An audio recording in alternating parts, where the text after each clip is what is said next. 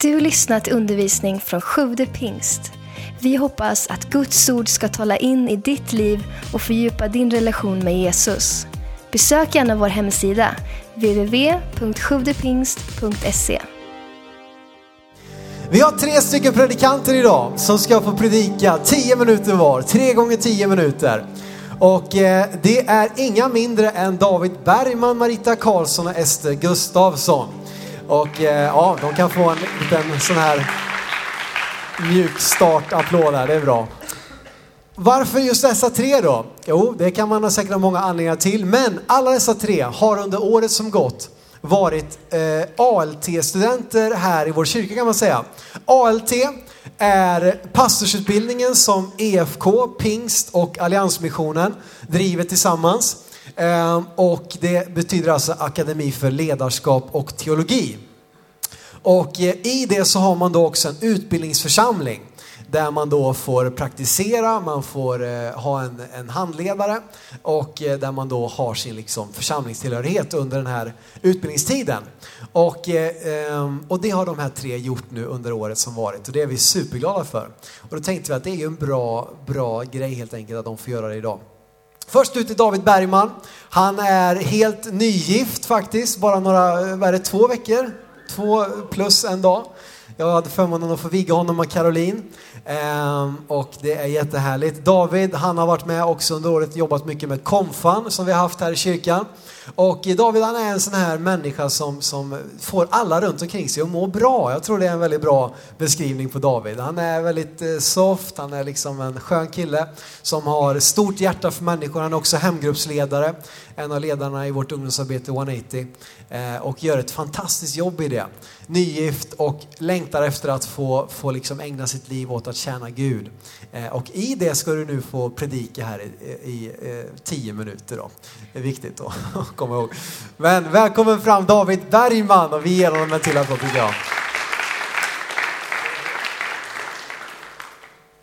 Yes, det blir lite premiär för mig eh, och det är gött. Eh, och så. Och det är lite saker har man ju snappat upp sådär som man uppskattar eh, att predikanter gör. Så en av de grejerna, jag kommer hålla några inslag, är när man eh, ber alla hälsa på varandra. Så först och främst ska jag be er kolla på dem ni sitter med. Se lite på dem, beskåda dem, vad fina de är. Ja, och sen Nästa grej, jag hoppas att jag inte överskrider några gränser nu då, det är att ni kan eh, vända er mot mig och så ska ni räcka ut er tunga. Räck ut tungan, sen vänder ni er återigen till dem ni sitter vid och så säger ni med tungan uträckt, vad vacker du är idag.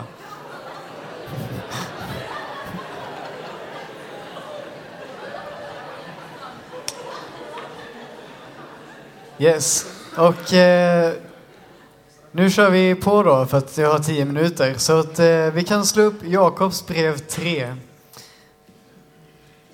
Ska vi läsa en sväng i den. Eh, Jakobs brev 3, vers 1 till 10. Är det. Då kör jag. Mina bröder, inte många bör bli lärare.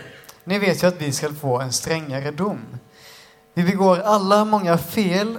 Om någon inte felar i sitt tal är han en fullkomlig man som också kan tygla hela sin kropp. När vi lägger betsel i munnen på en häst för att han ska lyda oss styr vi också hela hans kropp. Se också på fartygen som är så stora och drivs av hårda vindar. Ändå styrs det dit rorsmannen vill med ett mycket litet roder. Så är också tungan en liten lem, men kan skryta över stora ting. Tänk på hur en liten eld kan antända en stor skog. En sådan eld är tungan, en värld av ondska bland våra lemmar. Den smutsar ner hela vår kropp och sätter tillvarons hjul i brand och är själv antänd av Gehenna. Alla slags fyrfotadjur, fåglar, kräldjur och vattendjur låter sig tämjas och har blivit tämjda av människan. Men tungan kan ingen människa tämja, ostyrig och ond som den är, full av dödligt gift. Med den välsignar vi Herren och Fadern och med den förbannar vi människorna som är skapade till Guds avbild. Från samma mun kommer välsignelse och förbannelse.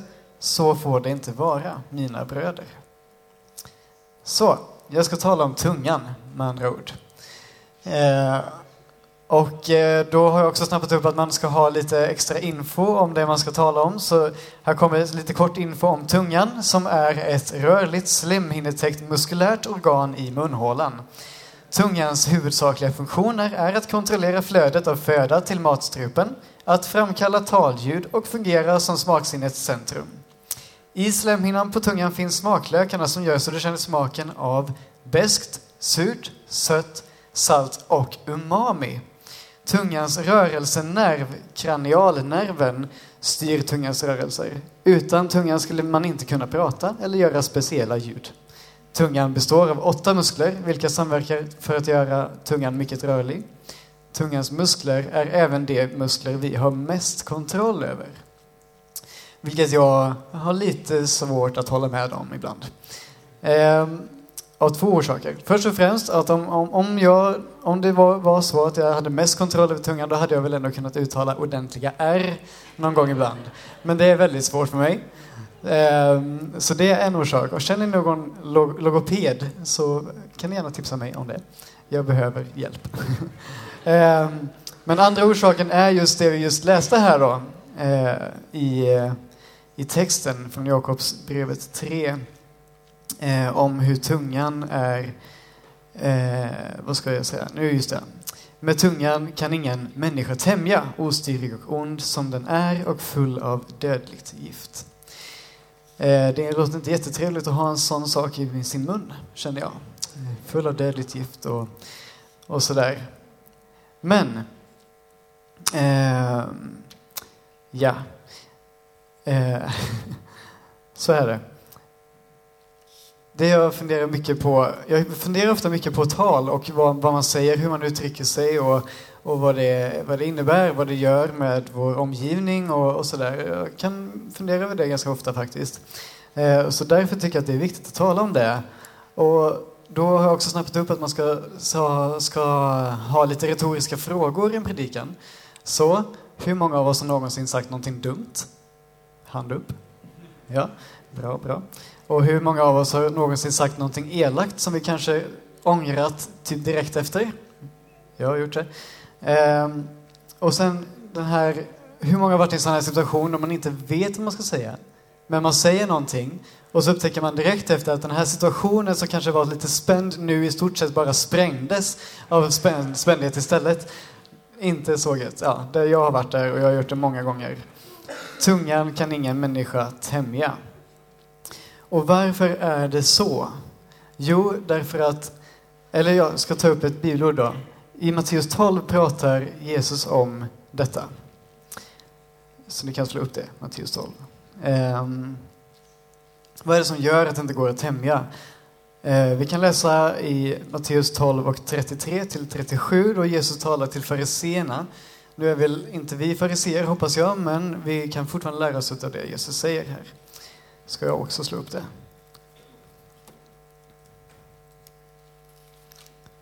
Ja, då står det så här. Om ni förutsätter att trädet är bra så är frukten bra, eller att trädet är dåligt så är frukten dålig. Ty av frukten känner man trädet. Huggormsyngel, hur skulle ni som är onda kunna tala något gott? Vad hjärtat är fullt av, det talar munnen. En god människa tar ur sitt goda förråd fram det som är gott och en ond människa tar ur sitt onda förråd fram det som är ont. Men jag säger er att för varje onyttigt ord som människor talar skall det stå till svars på domens dag. Efter dina ord skall du frias och efter dina ord skall du fällas. Jag ska tunga två sista verser där, men jag tog med dem främst för att understryka hur viktigt det är med vårt tal och vår, vad vi väljer för ord. Ehm, eh, Eh, och då, då talar Jesus om att eh, munnen talar det hjärtat är fyllt utav. Och då kan man fråga sig vad, vad fylls mitt hjärta utav? Och då säger jag, eller då har jag tänk, tänker jag mig att det är det som har inflytande över mig som fyller mitt hjärta. Eh, och det och då kan man ju gå ännu längre och fråga vad har inflytande över mig? Och ja, det är ju diverse saker som vi tillåter har inflytande över oss. Eh, det kan ju vara personer, definitivt personer runt omkring i vår närvaro. Det kan ju vara de vi umgås med till stor del. Liksom. Eh, men det är också vad man fyller sig med på fritiden utöver personer. Man kan kolla på tv-program. Det kan vara vad man lyssnar till för musik. Det kan vara allt möjligt. Men jag kommer ta ett exempel som är ganska kliché nu för tiden och jag kommer använda mig av min telefon. Då. Eh, för den använder jag väldigt mycket. Jag brukar väldigt mycket eh, tid med min telefon. Och den har ett stort inflytande på mig kan man säga därför att genom min telefon så strömmar jättemycket information varje dag. Eh, och jag har alltid med mig min telefon 24-7. Eh, det brukar alltid vara i min ficka, nu är den till och med i bänken så jag har framsteg. Eh, men den har ett, ett enormt inflytande på mig därför att jag kan se på videos på den hur mycket som helst, kan fastna vid Youtube hur länge som helst.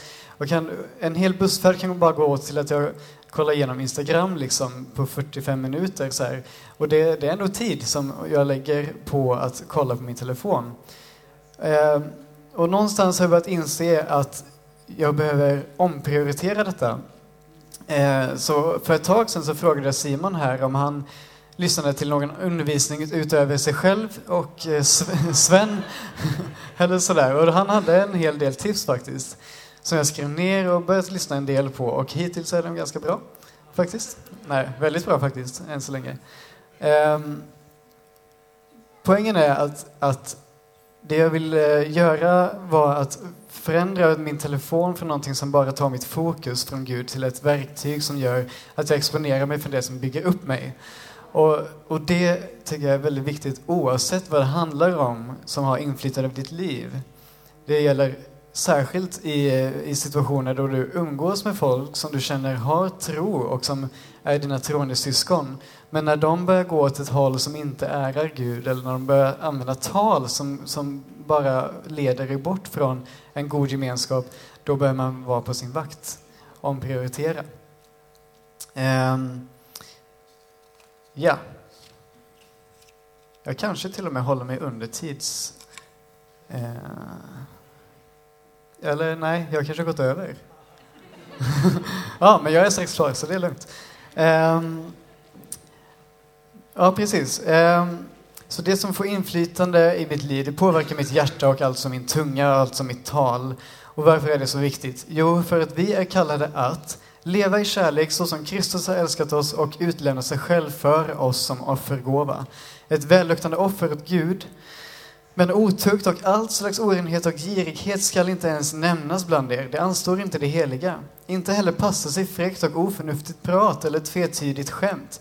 Tacka istället Gud. Ni var en gång mörker, men nu är ni ljus i Herren. Vandra då som ljusets barn. Eh, det var från Efesierbrevet 5, 2-8 ungefär. Eh, det är ju poängen, eller så. Eh, det är det vi ska vara. Så, ja, och nu ska jag avsluta med ännu ett bibelord från Paulus som skriver i Filipperbrevet 4 skriver han någonting som är väldigt bra. Eh, som handlar just om fokus. Då står det så här, 4, vers 8 till 9. För övrigt bröder och systrar. Allt som är sant och värdigt, rent och rätt, allt som är värt att älska och uppskatta, ja, allt som kallas dygd och förtjänar beröm. Tänk på allt sådant. Då skall fridens Gud vara med er. Amen. Så.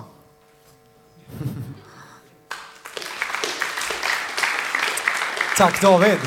Fantastiskt bra. Nummer två här på våran eh, talarlista är eh, Marita Karlsson. Och Marita hon är gift med Niklas. Och eh, de har faktiskt precis flyttat till Göteborg. Så att detta blir lite sorgligt men samtidigt även ändå roligt att vi får höra dig nu innan ni helt sticker iväg. Vi hoppas att ni kommer och besöker oss naturligtvis. Marita har också tre stycken barn. Eh, den sista tog, eller den sista, jo den sista, tog studenten för bara några veckor sedan. Eh, tre vuxna barn och både hon och Niklas har ett fantastiskt engagemang i Tribe of Judah, en kristen MC-organisation eh, som vill bygga kontakter och bygga broar in i många mycket mer tyngre MC-klubbar för att vittna om Jesus, bygga gemenskap, relationer eh, och hjälpa dem att, eh, att hitta fram till Jesus. Eh, så de är ofta ute här på, på nätterna och svirar och är på, på olika fester och, och tillställningar. Och inte svirar, det var fel sagt, men de, de är ute och eh, bygger kontakter och vittnar för de här människorna i den här världen som är så ofta långt ifrån Jesus. Men där så kommer Niklas och Marita in och vittnar och är ljus eh, och salt i den här världen. Ehm, och det är fantastiskt. Så nu ser vi fram emot Marita att höra vad Gud har lagt på ditt hjärta. Så välkommen fram!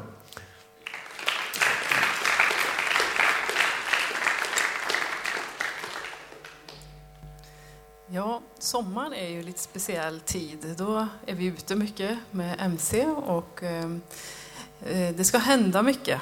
Vi har eh, olika projekt och vi vill se saker och vi vill uppleva saker. Men sommaren är också en tid av eftertanke för mig. När man försöker att tänka efter, vad är det som... Vad har jag kommit fram till och vad, vad, är, vad bär mitt liv för frukt? Eh, då är det ju lite svårt att se frukten ibland. Eh, som eh, Simon sa här så är vi ute på MC-fester och vi var faktiskt ute igår. Och man, man, har, man har svårt att räkna människor som har böjt knä och tagit emot Jesus. Men det är ändå många kontakter vi har fått. Vi har fått förtroende, människor vågar öppna sig. Och på den här festen vi var på så var det nog kanske 500 personer. Och varje person, kan jag nog säga, har läst på vår rygg att Jesus är Herre. Och jag hoppas att de kommer ihåg det också. Ehm, jag tänkte att eh, vi behöver vara trogna i den uppgift som Gud har gett till oss. Jag förstår att inte alla ska vara ute på MC-fester. Eh, men du har fått en annan uppgift. Och där vill Gud att du ska vara trogen. Eh, vi ska inte kanske fokusera så mycket på frukten, utan vi ska fokusera på Jesus. Det står i eh, Hebreerbrevet 12 och 2 Låt oss ha blicken fäst vid Jesus, trons upphovsman och fullkomnare. För att vinna den glädje som väntade honom uthärdade han korset utan att bry sig om skammen och han sitter nu till höger om Guds tron. Jag har funderat också på om kallelsen kan ändra sig i livet. Eh, vi har ju fått vissa gåvor som Gud har lagt ner i våra liv och, och de ska vi ju använda. Men i olika faser av livet så kanske Gud använder oss på olika sätt. Är vi vakna för det? Är vi uppmärksamma på var Gud leder oss någonstans? Eller kör vi liksom bara på i de hjulspår som vi, eh, ja, som vi tror att Gud har kallat oss till en gång? Eh, jag tror att det är viktigt att vi lyssnar till Gud varje dag och försöker verkligen att följa honom.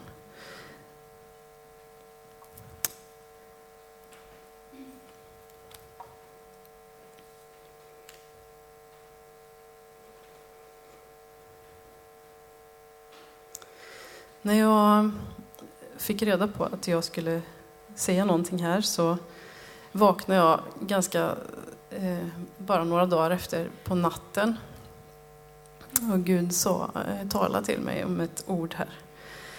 Och jag tyckte att det var jättekonstigt. Men jag ska läsa det här nu. Eh, det är Apostlagärningarna 15, 36-40. Det handlar om när Paulus och Barnabas ska ge sig ut på den andra missionsresan. Paulus har redan varit på en missionsresa.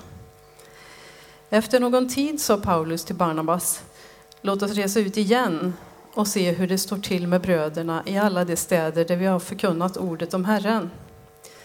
Barnabas ville att Johannes, skulle, som kallades Markus, också skulle följa med. Men Paulus hävdade att den som hade övergett dem i Pamfylien och inte stannat hos dem i deras arbete, den skulle de inte ha med sig. Det kom till ett så häftigt uppträde att de skildes åt. Barnabas tog med sig Markus och seglade över till Cypern. Paulus däremot utsåg Silas till sin följeslagare. Och sedan bröderna överlämnat honom åt Herrens nåd bröt han upp. Han reste genom Syrien och Kilikien och styrkte församlingarna där. Både Paulus och Barnabas hade ju en tydlig kallelse. De skulle predika evangelium för människor. Och de ville verkligen detta. Men de blev så osams så de kunde inte åka tillsammans. De redde inte ut det. De hade så olika åsikter så att de, de kom inte fram till någon lösning. Och vi kan ju inte säga vem som hade rätt och vem som hade fel. Um, kan det vara så att de inte hade bett Gud om vägledning för den här resan? Det är bara en sån där fundering jag har haft. Ehm. Utan att de bara tänkte att nu gör vi som förra gången. Vi, vi, eh, vi gör likadant. Ehm, men Gud kanske hade en annan plan. Han kanske ville att de skulle åka på två missionsresor istället för en och få mycket mer gjort. Dessutom så blev det två stycken till som blev in, inkallade i arbetet. Både, både Silas och Markus fick vara med på det viset.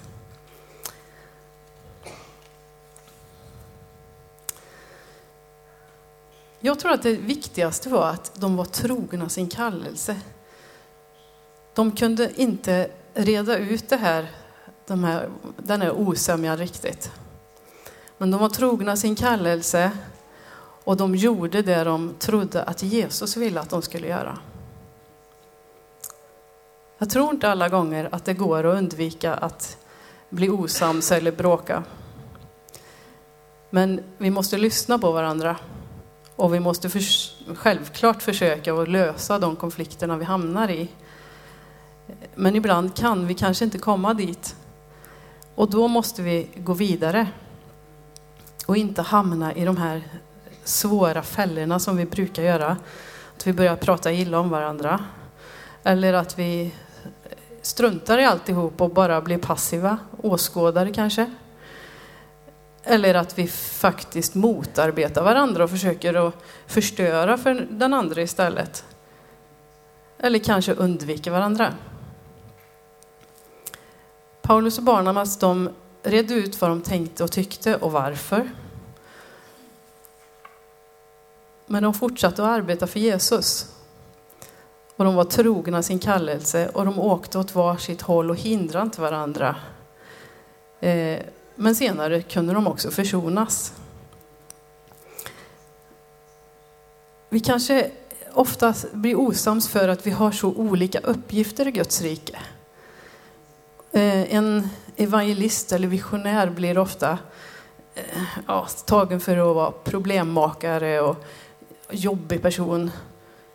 En som är bra på omsorg och själavård kanske någon tycker äh, de får inget gjort. Eller en som är lärare kanske är lite omständlig. Och, eh, en som är profet den är förstå, helt ja, omöjlig att förstå. Eh, men alla de här behövs i Guds rike. Och våran kallelse är personlig och vi ska inte likna någon annan utan vi ska vara, vara oss själva och, och ta det på allvar.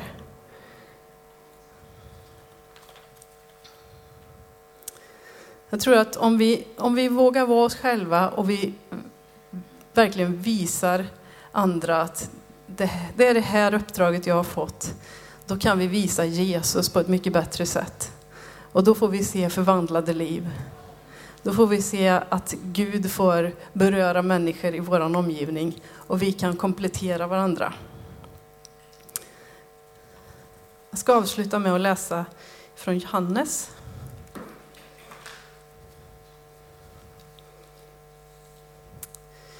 Johannes 15, vers 16 och 17. Ni har inte utvalt mig, utan jag har utvalt er och bestämt er till att gå ut i världen och bära frukt, frukt som består. Och då ska Fadern ge er vad, vad ni än ber honom om i mitt namn. Detta befaller jag er, att ni ska älska varandra. Tack Herre för att du har oss i din hand. Jag ber Herre att vi ska få lyssna till dig. Att vi ska få förstå vad du vill med våra liv, Herre. Och jag ber också om att vi ska få en villighet att faktiskt lägga våra liv i dina händer och gå på din befallning. Amen. Tack Marita.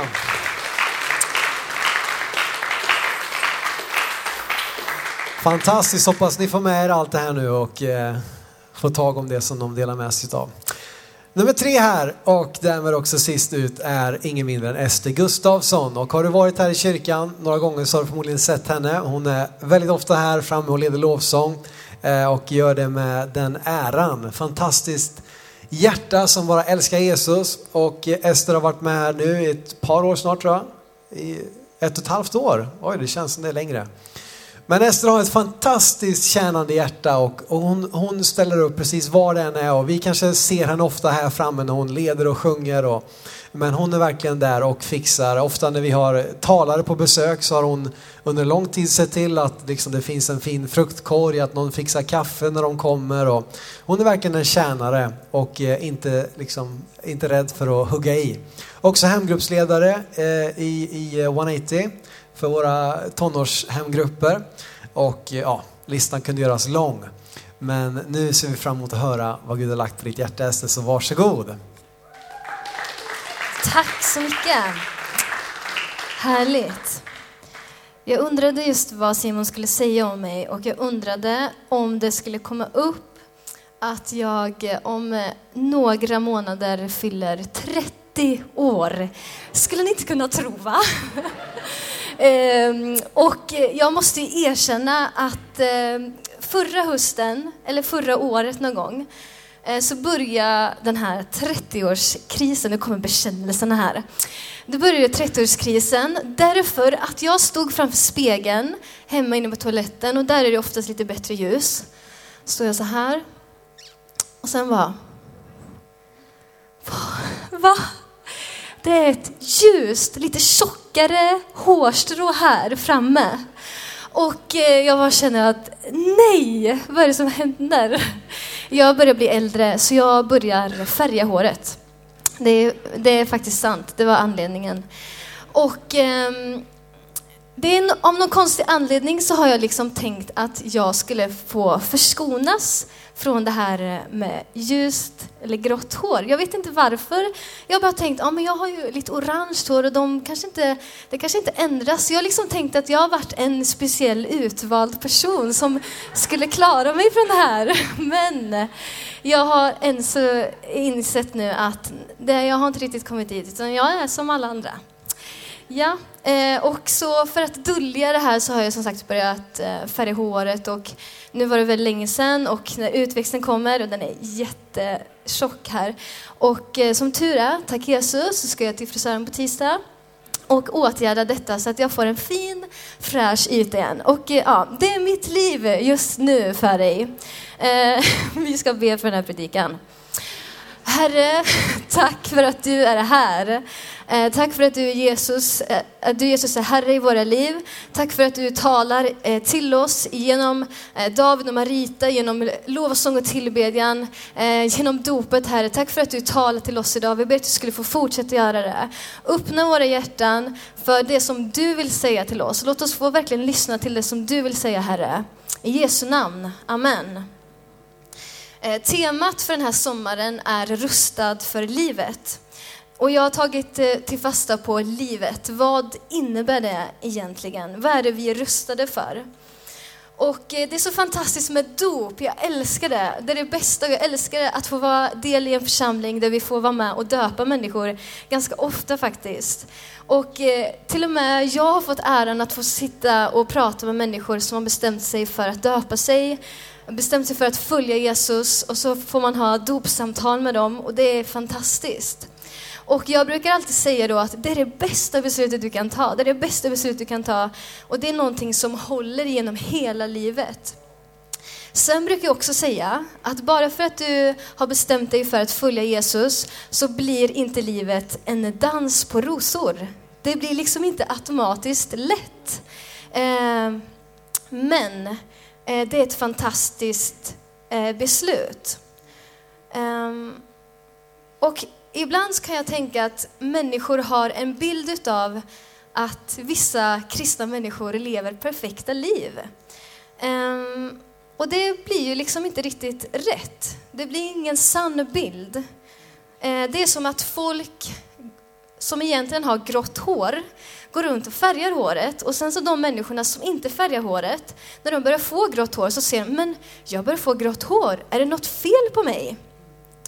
Um, att leva ett liv med Jesus som Herre handlar inte om att bli förskonad från svårigheter, utan det handlar om att han leder oss genom livet. Han leder oss genom goda stunder genom livet, och han leder oss genom svåra stunder i livet.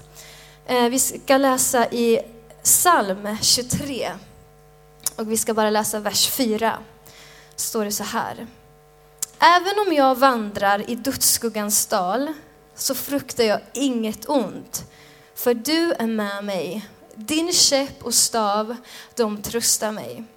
Gud är med oss i livet, genom det goda och genom det svåra. Så fort jag hörde temat för sommaren, Rustad för livet, så tänkte jag på en sångtext. Jag tänkte på en eh, lovsång som vi tog in nu i somras, eller i våras menar jag, eh, av en låt som heter Trofasthet. Och i en del av den sången så sjunger vi, det finns säsonger av sorg och glädje igenom allt, vår Gud är trofast. Gud är trofast. Det är han som är vårt hopp. Och eh, förra veckan eh, så fick min farmor flytta hem till himlen.